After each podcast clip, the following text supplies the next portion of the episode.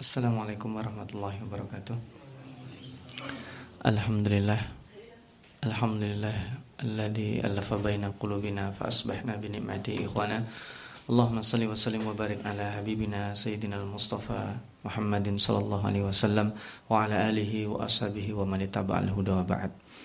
Bapak-bapak, ibu-ibu kaum muslimin dan muslimat yang dicintai Allah, bersyukur kepada Allah pada pagi hari ini di akhir akhir tahun 1434 Hijriah uh, kita diberikan kenikmatan Allah SWT untuk berkumpul di tempat ini dengan harapan di hari Jumat yang terakhir di tahun 1434 ini memberikan harapan bahwa ada momentum perubahan. Ketika kita mengingat hijrah Rasulullah SAW berarti di situlah kita ada sedikit kita merasa bahwa kita ada momentum berubah kepada sesuatu yang lebih baik. Kita jadikan setiap terminal-terminal perubahan tersebut adalah terminal perubahan ke arah yang lebih baik. Dan pada kesempatan kali ini kita juga masih menadaburi kisah seputar Bani Israel. Bani Israel kisah yang sangat umum sekali yang pada hari ini mereka digolongkan menjadi dua dua golongan besar yaitu Yahudi dan Nasrani. Yahudi dan Nasrani dua-duanya adalah Bani Israel. Lalu kenapa Allah SWT di sini membedakan antara keduanya? Akidah keduanya berbeda. Kemudian Allah SWT nantinya membandingkan dengan orang-orang yang memusuhi uh, Rasulullah SAW face to face sebelum ke Madinah. Nah ini lanjutan dari uh, saya kalau boleh mengistilahkan adalah penyakit-penyakit sosial Bani Israel yang uh, tempo hari sama-sama kita tadaburi bersama bahwa rezim Fir'aun ketika runtuh ditulah sesungguhnya manusia uh, diuji kesyukurannya. Ketika kita melawan musuh eksternal yang sangat besar, uh, itu bisa jadi dalam tanda kutip kita bersabar, tapi ketika musuh eksternal tersebut tumbang, uh, itulah uh, saatnya kita mengobati penyakit yang ada dalam diri kita masing-masing. Dan cerminan bahwa Bani Israel itu banyak sekali penyakit sosialnya bukan berarti kita terlepas dari penyakit tersebut. Nah, dengan harapan tadabur kita pada pekan lalu dan juga pada pekan ini lanjutannya kita bisa mengintrospeksi untuk selanjutnya tidak terjerembab dalam kesalahan yang dilakukan oleh orang-orang sebelum kita. Kita akan memulai tadabur pada 113 sampai 119 insyaallah. Di 113 ini Allah berfirman a'udzu billahi minasyaitonir rajim Bismillahirrahmanirrahim wa qalatil yahudu laysatin nasara ala syai'in wa qalatin nasara laysatil yahudu ala syai' wa hum yatluna alkitab kadzalika qala alladhina la ya'lamuna mithla qawlihim fallahu yahkumu bainahum yawmal qiyamati fima kanu fihi yakhtalifun Bapak-bapak dan hadirin sekalian yang dimuliakan Allah, di sini ada yang menarik ya. Ketika kita melihat pada lanjutan pekan lalu ketika dikatakan layat khulal jannah. Orang-orang Yahudi dan orang-orang Nasrani itu mengatakan layat khulal jannah. Al jannah di pekan lalu disebut dengan alif lam ma'hud. Itu surga menurut mereka. Jadi surga menurut mereka bukan berarti sama persepsinya antara mereka. Jadi di sini ketika dikatakan laisatin nasara ala syai dan sebaliknya itu adalah terjemahan layat khulul jannah dan tilka amaniyuhum. Jadi seolah-olah setiap mereka itu memiliki al jannah. Itu yang disebut dengan al ma'hud. Uh, persepsinya masing-masing. Jadi saya oh ini enggak enggak masuk surga kecuali orang-orang Nasrani. Surga mereka itu berbeda dengan surganya orang Yahudi. Masing-masing disebut di sini ala syai. Ala syai itu ada dua sisi ekstrim ya. Ala syai itu kalau untuk besar itu unlimitednya sangat besar sekali. Kalau kecil itu sangat kecil sekali. Ketika dikatakan kalau di sini dahulukan Yahudi ya. karena mereka yang paling lebih dulu ya. Wa qalatil yahudu laisatin nasara ala syai' orang Nasrani itu ala syai. Laisat ala syai. Laisat ala syai itu berarti kalau boleh mengibaratkan sangat kecil sekali. Jadi ala syai di sini bahkan nyaris nggak ada. Jadi kebalikan ya, kalau itu bagus, banyak, itu besar sekali, banyak sekali, tidak bisa dibatasi, banyaknya seperti apa. Kalau sedikit juga demikian, laisat ala syai itu mungkin dibilang garisnya ada. Apa peran mereka? Mungkin bahasa kita gitu. Orang-orang e, Nasara juga demikian, laisatul yahudu ala syai. Orang-orang Yahudi itu juga apa sih mereka sebenarnya keberadaannya apa sih nggak ada, udah habis mereka. Jadi dua-duanya sama dan ketika eh, mengulang sebentar pekan lalu ya disebut tilka amaniyuhum. Amaniyuhum itu disebut padahal ini dua golongan besar. Allah tidak menyebut tilka amaniyuhuma itu eh, apa? Angan-angan dua golongan ini tidak, tapi langsung itu berarti tiap orang bahkan berbeda-beda persepsinya. Sama-sama masuk surga, surganya si A dengan si B beda menurut persepsi dia. Maka ala syai ini disebut klaimnya beda. Ketika Allah mengatakan ditambah lagi wahum yatlunal kitab. Sementara mereka itu masing-masing sudah mendapatkan Alkitab. Alkitab itu kenapa di sini satu? Kenapa tidak dikatakan wahum yatlunal kitabain?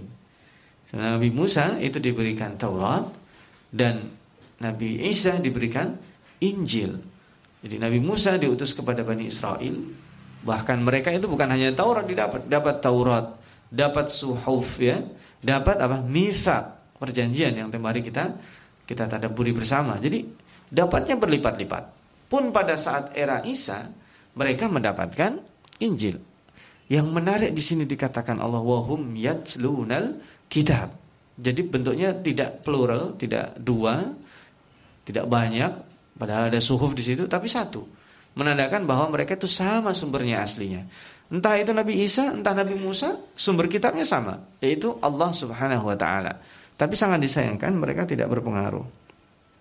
Makanya di sini kadzalika qala alladzina la ya'lamuna mithla qaulihim. Nah, ini ada ada apa golongan baru yang disebut di sini dan yang menarik di sini Allah Subhanahu wa taala membahasakan kadzalika qala alladziina la ya'lamun. Jadi orang-orang musyrik, jadi di sini ada beberapa pendapat ya. Ada yang pertama mengatakan alladziina la ya'lamun itu orang musyrik di zaman itu. Uh, non ahli kitab. Jadi bukan orang Yahudi, bukan orang Nasrani. Ada yang mengatakan sebelum mereka. Jadi jumhur ulama mengatakan ini yang disebut Kadzalika qala alladziina la ya'lamuna mithla qaulihim itu orang-orang musyrik Arab. Atau lebih khusus lagi disebut dengan musyrik Quraisy yang mempunyai peran antagonis menonjol di waktu Rasulullah sallallahu alaihi wasallam. Makanya di sini fallahu yahkumu bainahum. Hum itu baik Nasrani dan Yahudi yang saling mengejek juga sebenarnya, yang punya kepentingan masing-masing juga ataupun plus golongan baru yaitu yang disebut aladin alai alamunal kitab di situ. Nah, yang menarik sekali lagi Allah Subhanahu wa taala tidak memilah-milah. Jadi mereka dikatakan jadi satu. Ini yang pertama. Yang kedua, tempo hari eh, Al-Fakir pernah juga sedikit menyinggung ya bahwa mereka itu disebut millah wahida, satu millah.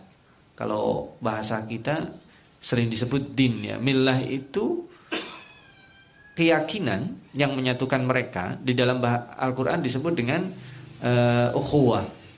Nah, dalam surat Al-Hasyr ya, saya pekan lalu juga membacakan kalau nggak salah.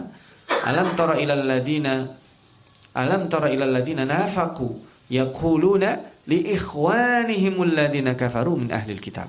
Jadi orang-orang munafik itu dia berukhuwah dengan orang-orang kafir dari ahli kitab. Nah ini sama sebenarnya Allah ingin menyamakan. Fallahu yahkumu bainahum semuanya bainahum yaumal qiyamati fima kanu fihi yakhtalifun. Jadi perbedaan-perbedaan itu mereka juga saling cekcok. Saling cekcok itu terjadi bukan hanya sekali dua kali. Mereka bahkan pernah nyaris bersatu memusuhi Rasulullah pada saat perang Khandaq ya. Perang Khandaq itu mereka bersepakat. Ya orang-orang Yahudi, kemudian Bani Ghatafan, Quraisy dan beberapa suku-suku di Arab bersepakat. Tapi pada hakikatnya mereka itu kemudian menjadi ragu dan dalam sebuah hadis yang uh, diceritakan sahabat Nuaim bin Mas'ud itu ya dia pura-pura masuk Islam kemudian karena dia dari suku Qatafan mendatangi Quraisy, mendatangi Qatafan, mendatangi Yahudi. Jadi semuanya diragukan. Misalkan orang-orang orang-orang Yahudi dikasih keraguan-raguan.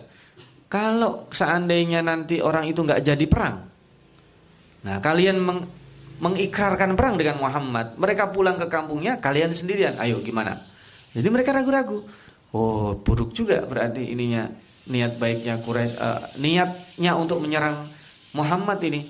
Mereka ke Gotofan juga demikian. Jadi masing-masing itu ditimbulkan keraguan akhirnya oh ternyata terungkap sesungguhnya rencana mereka itu disatukan dengan kebersamaan memusuhi Muhammad. Tapi sesungguhnya mereka memiliki agenda masing-masing. Ya, nah ini yang disebut dengan al-kufru millah wahidah. Jadi satu pada hari ini lanjutan setelah klaim mereka bahwa yang masuk surga itu nanti golongan saya aja. Golongan yang lainnya nggak masuk surga. Ya kalau di akhirat itu kan tempat cuma dua, nggak ada setengah-setengah. Kalau dibilang nggak masuk surga, itu artinya klaimnya adalah semuanya sesat dan masuk neraka. Itu satu. Nah sekarang yang sesama mereka sendiri itu ternyata klaimnya ah, memang nggak ada apa-apanya.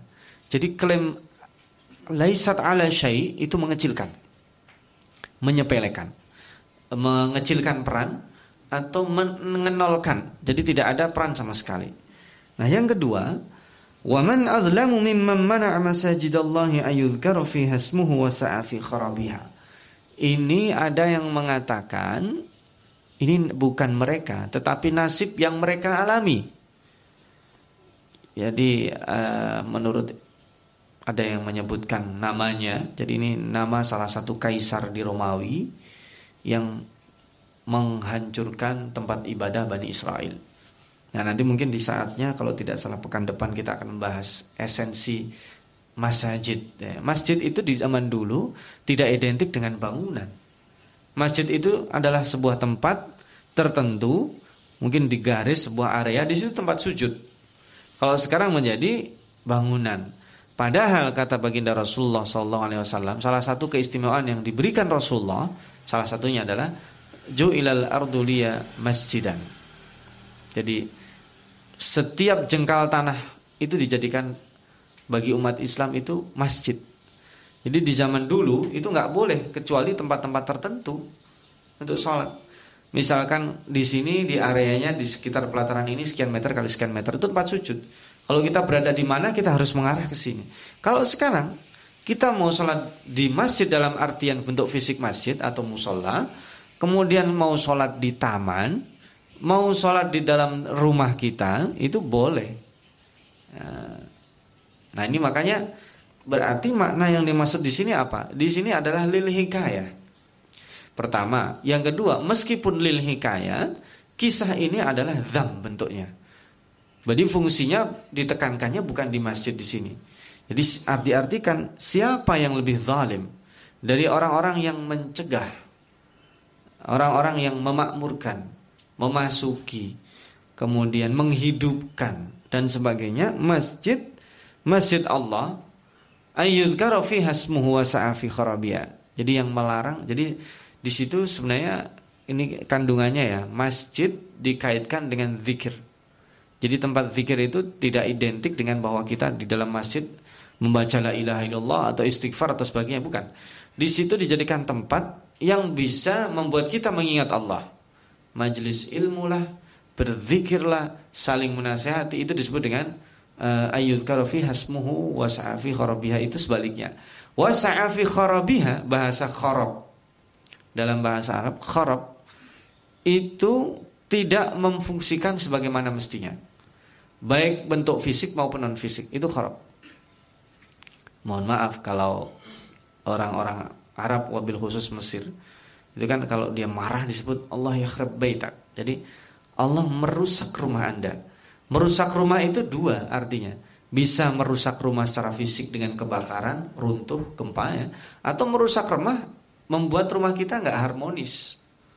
Jadi dua. Nah sekarang arti masjid itu fungsinya tidak berfungsi itu bisa dua. Satu khorab itu betul-betul dirusak secara fisik. Atau yang kedua dirusak fungsinya. Jadi masjid yang harusnya sebagai tempat pusat peradaban di situ mengingat Allah, sholat dan sebagainya. Itu fungsinya dilainkan, dikuasai. Kalau bahasa sekarang kan lebih lagi senang-senangnya menggunakan bahasa tertentu, pihak tertentu ya. Dikuasai pihak tertentu misalnya. Orang selain golongan A nggak boleh masuk masjid ini. Nah itu sudah berarti termasuk definisi forobiha. Fungsinya melarang. Oh itu golongan sana ya, nggak boleh sholat di sini. Atau sebaliknya ada golongan lain sholat di masjid ini, mereka pulang kita cuci masjidnya. Nah, itu sama aja. Itu masuk fi forobiha. Cuman kita sekali lagi perspektif khorab, perusakan kita lebih sering kepada bentuk fisik. Padahal kita merusak masjid itu non fisik itu lebih lebih berat akibatnya. Atau kita kita buat masjid itu menjadi kuburan potensi. Kalau di, rumah, di, masjid sekitar rumah kita harusnya masjid itu pusat perkumpulan orang di situ. Jadi ketika ada masalah sosial penyelesaiannya di situ. Penyelesaian yang pertama itu apa? Zikir Allah. Salat, habis salat selesaikan masalah. Rapat, selesaikan setelah salat. Kemudian ada proyeksi masa depan, pembangunan fisik ataupun non fisik itu di situ. Nah, orang yang melakukan kharab itu merusak fungsinya. Ini para mufassirin mengatakan ini terjadi dan dialami oleh mereka. Satu. Yang kedua, penafsiran kedua, ini bukan hanya dialami mereka, mereka itu melakukan. Jadi salah satu aliran yang terburuk dari Judaism ya. Kalau Judaism itu adalah Yahudi ya, akar dari masalah. Itu ada yang ada banyak kalau kita mengkaji tentang Yahudi ya, karena dia yang paling tua di antara Yahudi, Nasrani atau kemudian penganut Nabi Muhammad Shallallahu Alaihi Wasallam. Itu di antaranya ada penganut madhab kalau disebut itu adalah penganut madhab apa ya dalam dalam terminologi yang baru itu sejarah konspirasi atau konspirasi sejarah kalau menurut bahasa Ibnu Khaldun sehingga menyebabkan yang penting bagi orang-orang Yahudi, orang Islam atau orang Nasrani mereka meninggalkan agama. Gak penting mereka masuk Yahudi, tapi yang penting masuknya di sini adalah memang mana Allah. Yang penting tinggalkan masjid. Gak perlu setelah itu kamu masuk gereja, gak perlu setelah itu kamu masuk sinagog, tapi yang penting tinggalin aja masjid. Itu maksudnya termasuk khorobiah. Jadi sistemnya mengusahakan sebanyak-banyak mungkin manusia itu nggak masuk masjid secara fisik dan secara non fisik itu apa? Lupa Allah. Nah itu itu orang yang paling zalim kalau punya proyek seperti itu. Lagi sedang waktunya sholat, nah dipalingkan supaya nggak sholat. Eh, itu itu masuk fungsinya. Kenapa? Berarti dia menghalang-halangi, bukan berarti mengancam enggak. Memang mana bahasa di sini, bukan mengancam yang menghalangi terjadinya seseorang itu sujud dan mengingat Allah di waktunya. Nah ini. Ulaika ma kana lahum ayat illa khaifin dan mereka itu nah ini terjadi pada uh, masa Bani Israel ya sehingga mereka merefleksikan ibadah itu tidak sempurna. Kan kita disuruh biquwa dengan bebas tanpa adanya halangan. Nah ini uh, alasabil hikayah yang tadi saya sebutkan. Lahum orang-orang yang tadi melakukan kezaliman fit dunya hizyun mendapatkan kehinaan di dunia walahum fil akhirati adabun azim dan mendapatkan adab yang besar di uh, akhirat nanti.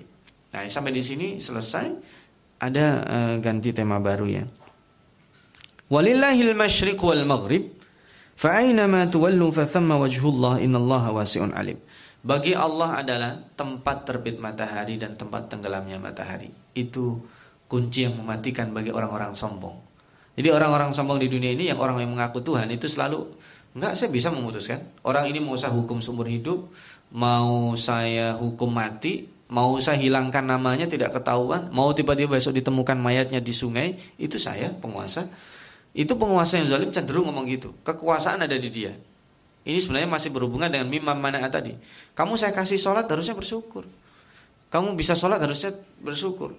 Kamu nggak saran harusnya bersyukur. Ketika dikatakan walillahil masyriqi wal maghrib itu sekak ya. Itu dalam perdebatan Ibrahim dengan Namrud kan itu. Qala ana uhyi wa umid. Ya, kalau kamu bilang Tuhan kamu menghidupkan, aku juga uhyi wa umid. Aku menghidupkan dan mematikan. Nah, sekarang ketika Nabi Ibrahim menjawab bahwa Tuhanku bisa mendatangkan matahari dari tempat terbitnya dan menenggelamkan dari tempat tenggelamnya, fa'ti biha minal maghrib. Sekarang coba kamu terbitkan matahari dari tempat tenggelamnya. Itulah apa kata kata Namrud? Fabuhital ladzi kafar. Dah dia diam langsung ditutup mulutnya. Gak bisa. Karena ini penegasan bahwa Allah itu satu-satunya yang bisa menerbitkan matahari. Coba sekarang, siapa di antara orang profesor terpintar sedunia sekarang coba suruh balik itu matahari terbit, nggak bisa. Makanya bahasanya walillahi al-masyriq wal maghrib. Fa ma tuwallu fa thamma wajhullah. Jadi ini dalam beberapa penafsiran ada yang mengatakan bahwa ini ayat dikhususkan bagi orang-orang yang ragu terhadap kiblat. Jadi masyriq wal maghrib itu arahan dalam kita sholat. Jadi sebenarnya pada saat kiblat itu simbol saja. Orang bodoh yang mengatakan bahwa umat Islam sama dengan orang-orang sebelumnya menjadikan Ka'bah itu berhala. Buktinya seluruh dunia umat Islam sholat menyembah Ka'bah itu salah. Padahal Ka'bah itu hanya arah-arah. Syatrul Masjidil Haram bahasanya, tidak menghadap Ka'bah. Syatrul Masjidil Haram itu sebenarnya perkiraan. Sekarang saya tanya Bapak, ada yang bisa memastikan sholat Bapak itu kalau ditarik garis lurus itu tepat kena Ka'bah? Itu pernah didebatkan dulu ya. Bahkan di MUI itu ada perdebatan. Arah kiblat. Arah kiblat. Enggak bisa. Itu hanya syatral Masjidil Haram, menghadap perkiraan ke sana. Apalagi dulu masih ingat saya waktu kecil, kiblatnya mana? Ngadap ke barat. Jadi kita kalau ngadap ke barat e, langsung dari Indonesia ini di Pulau Jawa di Jakarta tepatnya, itu kalau ditarik lurus barat kena Ka'bahnya? Enggak kena, lewat kita. Itu di salah satu negara di Afrika, Afrika Tengah mungkin. Itu bisa jadi Madagaskar. Nah, itu kenanya. Nah, maka di sini dikatakan fa'inama tuwallu fathamma wajhullah. Jadi ke mana pun kita memalingkan wajah itu sebenarnya fathamma wajhullah. Makanya dikatakan di dalam nanti ya kita di juz 2 itu laisal birra an tuwallu wujuhakum qibalal masyriq wal maghrib. Yang dinamakan kebaikan itu bukan kita menghadap ke timur, ke selatan, ke utara, ke barat. Karena nanti menghadapnya ke Ka'bah itu ke arah timur dan sebagainya itu kan tergantung posisi kita. Kalau kita berada di uh, Madinah, berarti kiblatnya mana? Selatan. Kita berada di Yaman, kiblatnya mana? Ke utara dikit. Padahal itu utara pas juga nggak bisa kan. Nah itu maksudnya. Tetapi yang dinamakan walakinnal birra man amana. Itu substansinya. Simbol perlu, tapi tanpa dijiwai simbol itu menjadi mati. Makanya sholat itu tempo hari sudah kita bicarakan kenapa pakai iqamatis sholat. Inallah wasiun alim bahwa Allah swt memiliki keluasan, memiliki keluasan uh, rahmat dan memiliki pengatuan yang unlimited tidak dibatasi. Nah, saya ingin membahas pada ayat 116 dan berikutnya sekaligus nanti kita ulang, diulang dua kali orang-orang alladzina la ya'lamun. Nanti kita bahas itu. Wa qalu tahadallahu waladan subhana. Orang-orang itu baik orang-orang yang tadi dikatakan alladzina la ya'lamun. Jadi saya ulas ini ya, meskipun tadi udah disebut dan nanti akan disebut lagi. Menarik ya. Allah menyebut orang-orang musyrik itu tidak misalkan tadi setelah kadzalika qalal musyrikun atau kadzalika qala alladzina kafaru min qablihim misalnya. Tapi kadzalika qala alladziina la ya'lamuna mithla qaulihim tadi dibahas. La ya'lamun. Jadi meniadakan ilmu. Lihat dalam bahasa Al-Qur'an apa? Ar-Rahman. Yang kedua ayat kedua adalah Allamal Qur'an. Jadi ilmu yang diberikan Allah nomor satu itu ilmu kitab. Dengan diturunkannya kitab kepada kita itu ilmu yang luar biasa. Baru setelah itu khalaqal insan 'allamahul bayan. Itu ilmu yang kedua baru ngajarin kita membaca, berbicara, mengungkapkan sehingga bisa difahami. Maka sebenarnya nikmat teragung ilmu yang diberikan Allah pada kita itu Alkitab. Karena ada orang-orang yang tidak diberikan sebelumnya. Jadi orang-orang musyrik Arab itu disebut dengan bukan ahlu kitab. Kenapa? Karena mereka sebelum diutus Nabi Muhammad SAW tidak pernah dikasih kitab. Itu malah disebut meniadakan ilmu. Padahal kalau dari sisi keilmuan, dari tata bahasa, dari yang lainnya, bukan mereka tidak punya peradaban, ada. Tetapi peradaban yang luar biasa itu ditiadakan Allah. Kenapa? Karena ilmu yang tidak dituntun oleh Allah itu tidak diangkat. Itu satu ya, nanti kita bahas berikutnya. Nah, mereka itu orang-orang itu. Dan juga termasuk orang-orang kafir dari golongan Yahudi dan Nasrani mengatakan, Ittakhadallahu walada. Allah memiliki anak. Nah, ini kan udah kalau dipikir nggak masuk akal. Allah punya anak yang benar aja. Anak Allah itu siapa? Seperti apa? Nah itu nanti debatable lagi. Jadi mereka punya pendapat Allah punya asisten, sepakat. Tapi asisnya seperti apa? Nah, di situ debatable lagi. Nah, maka kata Allah langsung subhanah. Subhanah itu masya Allah ya. Kata-kata subhanah itu sudah selesai. Maha suci Allah. Di dalam Al-Quran kata-kata tasbih itu disebut dengan semua rangkaiannya. Bahkan kalau boleh kita tadaburi awal surat saja itu yang paling sempurna itu kata-kata tasbih. Didahului misalkan surat Al-Isra. Subhanalladzi asra. Itu maha suci Allah, itu penahbisan. Nanti di dalam surat lain ada yang dimulai dengan sabbahalillah, bentuknya pasten. Jadi sudah bertasbih sebelum manusia, ma fis samawati wal ard, sesuatu yang di langit dan di bumi. Dan yusabbihulillah ada juga ya ayat Al-Qur'an eh, surat yang dimulai dengan demikian kan? Itu masih berlangsung. Dan nanti terakhir di dalam juz 30 itu ada disebut surat dimulai dengan sabbihisma rabbikal a'la. Itu perintah bentuknya. Dari dia bentuknya tahbis, masdar, kemudian fi'il madhi, past tense, kemudian uh, present dan continuous tense itu yusabbihulillah dan terakhir itu perintah bentuknya. Kalau misalkan maha suci Allah, itu artinya apa? Seandainya seluruh manusia tidak ada yang menyembah Allah Atau seandainya seluruh manusia di dunia ini mengatakan Allah punya anak Allah tetap mengatakan apa? Subhana, maha suci Allah tetap mengatakan apa? Allah maha kaya Allah tetap mengatakan apa? Allah tetap tidak berpengaruh itu Gak ngaruh Subhana itu udah klimaknya Itu sudah ditahbiskan Yang menahbiskan Allah sendiri Kamu mau nyembah saya atau tidak itu gak ngaruh Karena kebaikan itu kembalinya kepada manusia yang kedua, sabbahalillah sebelum manusia diutus Nabi kepada setiap manusia itu sudah bertasbih barang-barang di langit dan di bumi. Maka kemudian Allah perlu menyebutkan yusabbihulillah. Ayo manusia, sabbih, bertasbihlah. Fasabbih bismi rabbikal azim. Itu bertasbihlah. Mendingan kita jadi makmum, masbuk dalam bertasbih. Kita jangan malu untuk meniru burung-burung, gunung-gunung dan makhluk-makhluk lain yang bertasbih sebelum kita lahir atau sebelum diutus Nabi kepada kita. Itu kalau saya boleh mengistilahkan ada sholat masbuk, ada tasbih masbuk. Iya, manusia itu termasuk yang bertasbih secara masbuk. Selama dia belum bertasbih, itu dia masih disebut dengan orang yang belum sholat kalau kita. Tapi kalau dia sholat mau sholat, sholat sah, sah. Selama dia uh, sholat berjamaah sah, selama dia masih ada um, imamnya di situ. Coba kita lihat dalam satu hari, dalam sholat saja, bapak-bapak dan ibu-ibu pernah ngitung nggak bertasbihnya berapa kali? Dalam sholat tiga per kita ruku ya, sujud dua kali enam. Itu artinya satu rakaat kita sembilan kali. Ya, kali tujuh belas berapa itu? 153 ya. Kemudian kita baca selesai sholat 33 kali 5 berapa?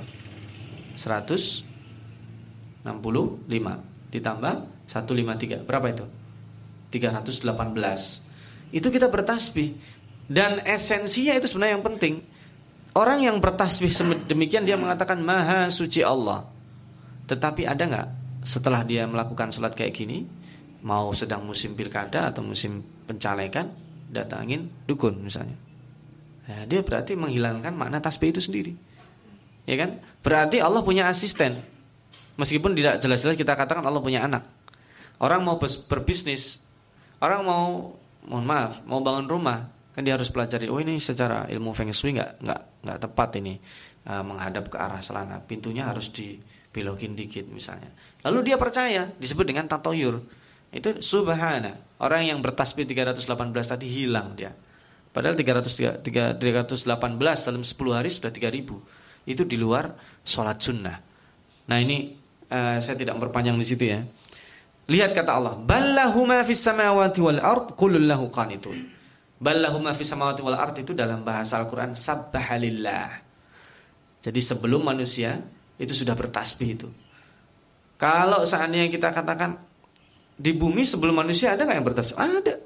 Gunung-gunung semuanya walakin la tafqahuna tasbihahum itu semua bertasbih. Kita nggak paham. Pagi ini kita bertasbih bersama para makhluk Allah.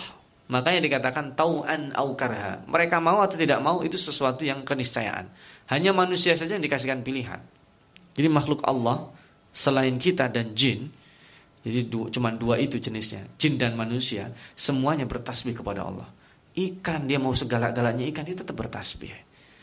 Dia mau uh, batu-batuan, dia tumbuh-tumbuhan semuanya bertasbih. Yang di langit, apa yang di langit? Yang hidup. Makanya kadang ada ma fis samawati wal ard, ada man fis samawati wal ard. Kalau ma itu apa? Oh banyak bintang-bintang bertasbih kepada Allah. Man malaikat bertasbih kepada Allah. Man yang bergerak. Jadi kita mengartikannya luas. Yang bernyawa, yang tidak bernyawa. Yang kita tahu, yang tidak kita tahu. Semuanya apa? Lahu ma fis samawati wal ard. Yusabbihu lillah dan sabbah lillah itu. Nah di sini makanya tasbih itu adalah kunci penyucian itu bisa menghilangkan penyakit-penyakit sosial yang hari ini kita tadaburi. Melempar kesalahan atau menghalangi orang untuk berzikir kepada Allah atau uh, fungsi menghidupkan fungsi masjid. Nah, Allah sebutkan lagi sifat Allah yang kedua setelah tadi kepemilikan penuh, badi'us samawati wal ard. Badi' badi' itu bukan khalik saja ya. Kalau khalik itu asal membuat. Lihat anak kecil mewarnai kan keluar garis ya kan. Tapi bandingkan anak kecil dengan penulis eh, dengan pelukis profesional. Mana lukisannya paling bagus? Pelukis profesional. Tapi di sini maka kalau walillahil mathalul ala saya tidak membandingkan tapi sekedar supaya kita masuk. Pelukis profesional itu yang disebut dengan badi.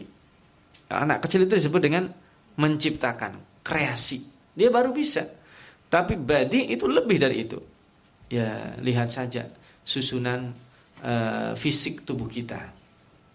Ini tata artistiknya itu. Kenapa mata itu di depan? Kenapa hidung itu di antara mata dua? Coba kalau seandainya hidung itu dipasang di atas, di jidat kita orang-orang kayak saya yang punya penyakit mata itu nanti nyantolin kacamata gimana coba? Pakai tali atau gimana? Ternyata fungsinya ada. Dibuat kacamata kayak gini. Meskipun zaman dulu mungkin belum ada. Lalu lihat, cobalah lihat gigi. Gigi itu yang kita lihat fisik luarnya, ternyata akar ke dalamnya lebih banyak. Itu siapa yang menanam segitu? Luar biasa. Jadi itu teorinya sama dengan teori gunung, dijadikan pasak. Lalu gigi itu kita pakai memamah apa aja setiap hari geraham dan sebagainya. Dan sebagainya itu ada semua. Itu yang disebut dengan badia, penciptaan. Lalu lihatlah kalau kita pada diri kita nggak bisa, itu kita bisa buka channel Discovery atau National Geographic. Lihat ketika membahas tentang binatang-binatang yang aneh-aneh. Ada binatang yang sangat kecil sekali. Untuk apa dihidupkan Allah? Gimana cara makannya? Lalu ada binatang yang hidupnya bahkan dia ada yang disebut dulu kita kenal dengan binatang bersalah satu yang tidak menik menikahi lawan jenisnya. Dia dengan dirinya sendiri membelah dan sebagainya. Itu kenapa? Luar biasa, maka disebut dengan badi dan di sini disebut badi ussamawati wal ard.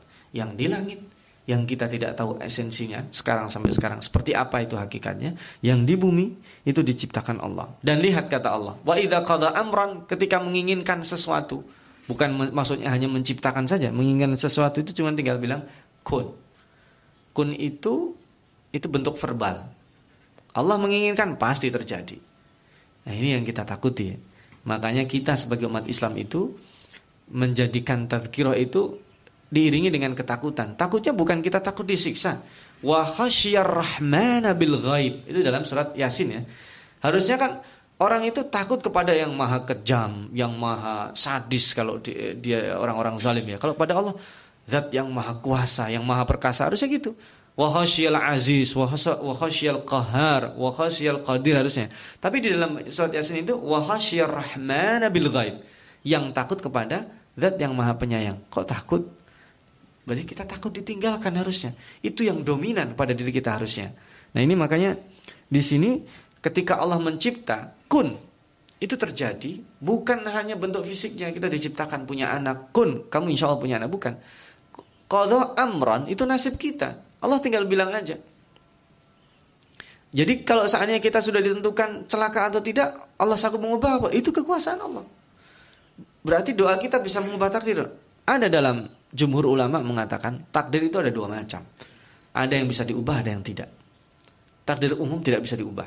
Takdir terperinci bisa diubah. Nah, nasib kita. Misalkan kita sudah ditentukan ini masuk surga atau neraka bisa diubah atau tidak. Kita nggak tahu. Siapa yang mengatakan bahwa sekarang ini kita, tiap kita di sini tentukan masuk surga atau neraka. Tidak ada yang tahu. Lalu bagaimana kita mengatakan kita diubah? Iya kan? Kalau dalam hadis itu kan ada antara seorang dengan surga itu tinggal sejengkal. Itu kenapa? Itu secara fisik. Orangnya tiap hari sholat, tiap hari zakat, tiap. Tapi ketika di akhir hidupnya dia melakukan perbuatan ahli neraka dan masuk neraka. Nah berarti dia sudah ditentukan itu. Kenapa? Allah sudah tahu ini jalannya seperti ini, seperti ini. Akhirnya dia akan tersesat.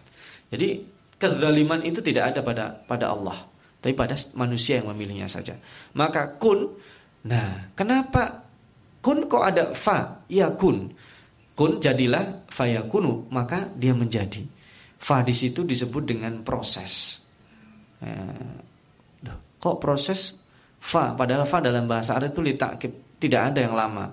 Nah orang hamil mau punya anak kok sampai 9 bulan, masuk 9 bulan disebut cepat. Nah fa di situ itu proses jadi disebut. Kalau bahasa manusia supaya manusia paham itu nyaris jadi biar nggak ada biar tidak terjadi seperti sulap.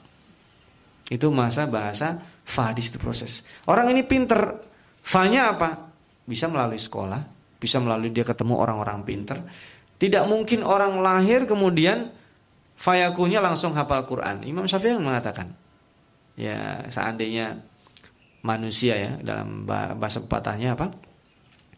Laukan al-mar'u yuladu aliman ma yabqa ala wajhil ardi jahilu. Kalau seandainya manusia lahir cengir langsung hafal Quran, langsung bisa membaca, itu pasti tidak ada manusia bodoh di muka bumi ini. Nah itu maka disebut dengan kun jadilah proses harus ada dan di situ yang yang tempo hari berkali-kali kita tadaburi makna dari ikhtiar untuk menjemput huruf fa ini maka fa yakunu itu jadilah nah Allah ulang lagi ini nah, di sini kita akan akhiri dua ayat ini. Wa qala alladziina la ya'lamuna. Nah ini apa tadi? Alladziina la ya'lamuna itu? Orang-orang musyrik. Jadi orang-orang yang tidak memiliki kitab itu disebut orang yang tidak tahu.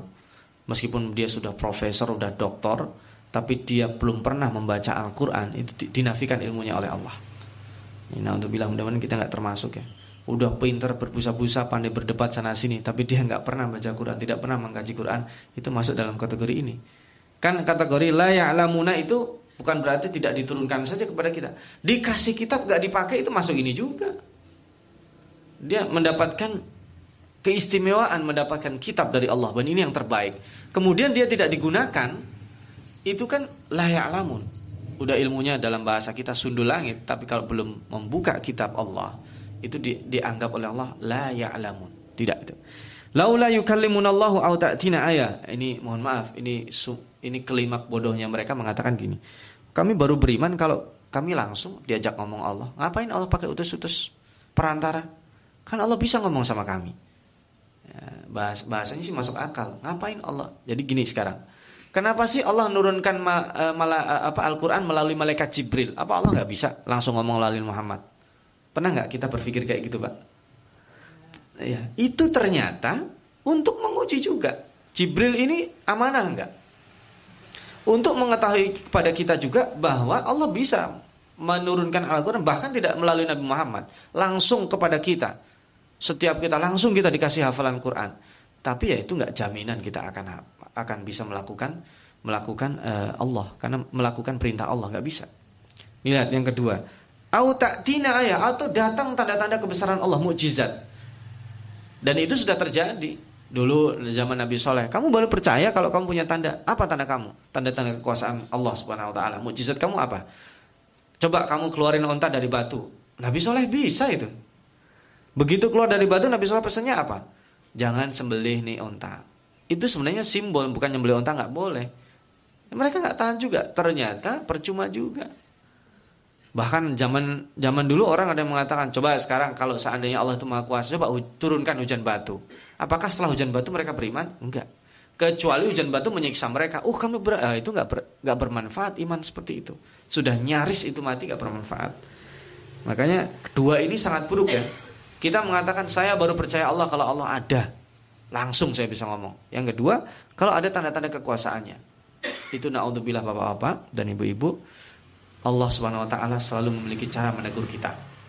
Kita berdoa pada saat Allah menegur kita itu tegurannya lembut dan kita dikasih karunia ya yang bisa merasakan kelembutan teguran Allah. Kan ada orang dia cuman kesandung aja langsung, aduh ini saya ada salah apa. Tapi ada orang dia sudah macam-macam bangkrut, sudah ini semua keluarganya dia nggak ingat Allah. Naudzubillah, itu berarti orang ini nggak peka sensitivitasnya. Nah ini kayak gini, saya baru beriman kalau diajak ngomong langsung sama Allah. Ini perkataan siapa? Perkataan orang yang tidak bersentuhan dengan Alkitab. Alkitab itu adalah kalau di zaman kita bahasanya adalah Al-Quran.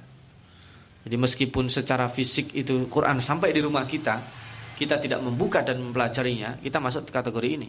Nauzubillahi min qala min qablihim. Nah, orang-orang yang tidak punya kitab itu bukan hanya mereka, sebelum mereka juga sama. Dan orang-orang yang mendapatkan Alkitab. Nah, ini kan makanya menarik ya. Kadzalika qala alladziina min qablihim mithla qaulihim. Ini lari kepada atas tadi itu klaimnya. Menghina orang lain itu tidak dilakukan oleh orang-orang di luar kita. Sebelum kita juga dilakukan. Sesama mereka merebutkan kekuasaan itu pasti menjatuhkan. Kalau bahasa politik itu black campaign ya. Itu dilakukan orang sebelum itu. Tasyabahat kulubuhum sama mereka itu.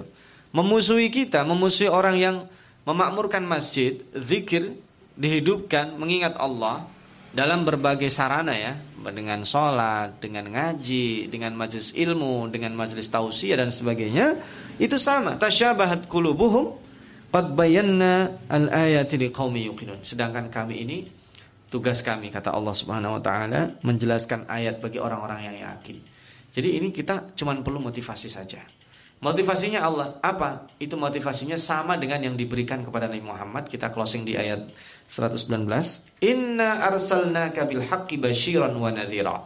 Sesungguhnya kami utus engkau Muhammad dengan sesungguh-sungguhnya, dengan benar-benar basyiran sebagai pembawa kabar berita, wa nadhiran sebagai uh, pembawa rambu-rambu karena kalau kita langgar nadhira itu bukan menakut-nakuti ya. Dan ingat wala tusalu an ashabil jahim. Dan nanti tidak pernah di, dikatakan kenapa si A itu dulu tidak mau dengarkan kamu. Kenapa si A sekarang masuk neraka? Itu tidak pernah. Gak pernah. Jadi kalau sekarang tugas kita itu berdakwah, orang itu nantinya memusuhi kita sampai mati dan mudah-mudahan ya nanti kita di di akhirnya masuk surga, itu orang yang kita dakwah itu nggak pernah ketika dia diprot ya Rob saya kenapa dulu tidak engkau kasih hidayah hidayah itu kalau diibaratkan adalah seperti halnya sinar matahari sinar matahari yang menge, menge, mengenai bumi itu bukan berarti sinar matahari pilih-pilih tetapi posisi bumi itulah yang menentukan apakah dia mendapat sinar matahari atau tidak hidayah itu gitu jadi ketika ada hidayah, kita memalingkan, berarti yang kena posisi sinar itu sebelah mana? Belakang punggung kita. Nah kalau kita ada hidayah, kita kemudian, oh ya kita dengar, ada kemungkinan besar kita bisa mendapatkan hidayah. Jadi hidayah itu bukan perkara nasib atau tidak. Kita harus menjemput hidayah itu. Jadi semangat misalnya. Kenapa sih kadang saya sholat semangat, kadang tidak semangat? Eh, itu berarti lagi kena, lagi nggak kena sinar matahari, posisinya nggak pas. Ya, apalagi sekarang musim hujan lebih susah lagi. Sinar mataharinya posisinya harus ada, tapi apa? Eh, tadi waman adlamu mimma mana'a, ada penghalang. Nah, penghalang itu biasanya manusia lebih sering menyalahkan orang lain. Kita ingat bahasa Yahudi yang uh, pekan lalu kita bahas ya. Dan di sini Yahudi sama Nasrani sama-sama musuh Islam. Bahasanya dia mereka mengenalkan orang lain kok. Mengecilkan peran orang lain. Oh, kamu mah nggak ada peran apa-apa di sini. Maka di sini tugas kita cuma satu berdakwah berdakwah, mengajak dan mengajak. Permasalahan nanti mereka masuk neraka, kita tidak akan pernah sekali-kali ditanya Allah, kenapa si A masuk neraka? Kenapa kamu tidak sampai ini? Karena orientasi dalam berbagai hal Allah bukan orientasi hasil, orientasinya proses. Contohnya Nabi Nuh, contohnya adalah Nabi Yunus, contohnya adalah nabi-nabi yang lain, bahkan nabi yang tidak punya pengikut, yang dia dibunuh sebelum punya pengikut, Allah yang akan hisap itu mereka nyampein atau tidak. Bukan kamu berhasil dapat berapa pengikut kamu? Tidak itu yang tidak ditanya. Ini saya kira mudah-mudahan kita uh, bisa mempelajari ada tiga hal pokok. Saya closing dengan tiga hal pokok. Kelemahan orang Yahudi menyalahkan orang lain. Yang kedua mereka tidak mengambil pelajaran. Dulu pernah mereka dihalang-halangi mengingat Allah pada saat masih lempeng-lempengnya. Tapi mereka melakukan itu. Kemudian yang ketiga kita seandainya menjadi uh, orang yang bertasbih masbuk masih lebih bagus Sabbahalillah. Kita sekarang yusabbihulillah. sabih bismi rabbikal a'la atau sabih isma rabbikal a'la. Masih ada uh, jeda waktu yang kita gunakan untuk memperbaiki tasbih kita. Barangkali rutinitas itu nggak cukup 318 tadi kita bisa bertasbih dan yang terakhir kita renungi penciptaan Allah dan kita mari kita ikuti uh, dakwah Rasulullah. Kita tidak pedulikan orang itu mau ikut atau tidak, tapi kita harus tetap menyampaikan. Ini yang akan kita bahas dan nanti sebenarnya orientasi orang Yahudi terhadap kita itu apa? Nanti di ayat pekan depan kita bahas walan tardo angkal Yahudu walan Nasara itu ayat yang uh, terkenal dan konon ini uh, menurut orang-orang yang liberal ayat ini harusnya fungsinya udah nggak jalan. Sekarang ini kan kita hidup di pluralisme jadi kita mengakui kebenaran semuanya. Nah ini kita insya Allah akan kita bahas pekan depan. Sekaligus kita bahas tadi masjid itu sesungguhnya apa? Dan ketika Allah perintahkan kepada Nabi Ibrahim untuk meninggikan bangunan Ka'bah itu maknanya apa? Insya Allah kita bahas pekan depan. Mungkin sekarang 5 sampai 10 menit jika ada yang mau ditanyakan atau mau kita bahas, kita diskusikan, saya persilahkan. Sementara saya tutup, mohon maaf jika ada kekurangan. Wassalamualaikum warahmatullahi wabarakatuh.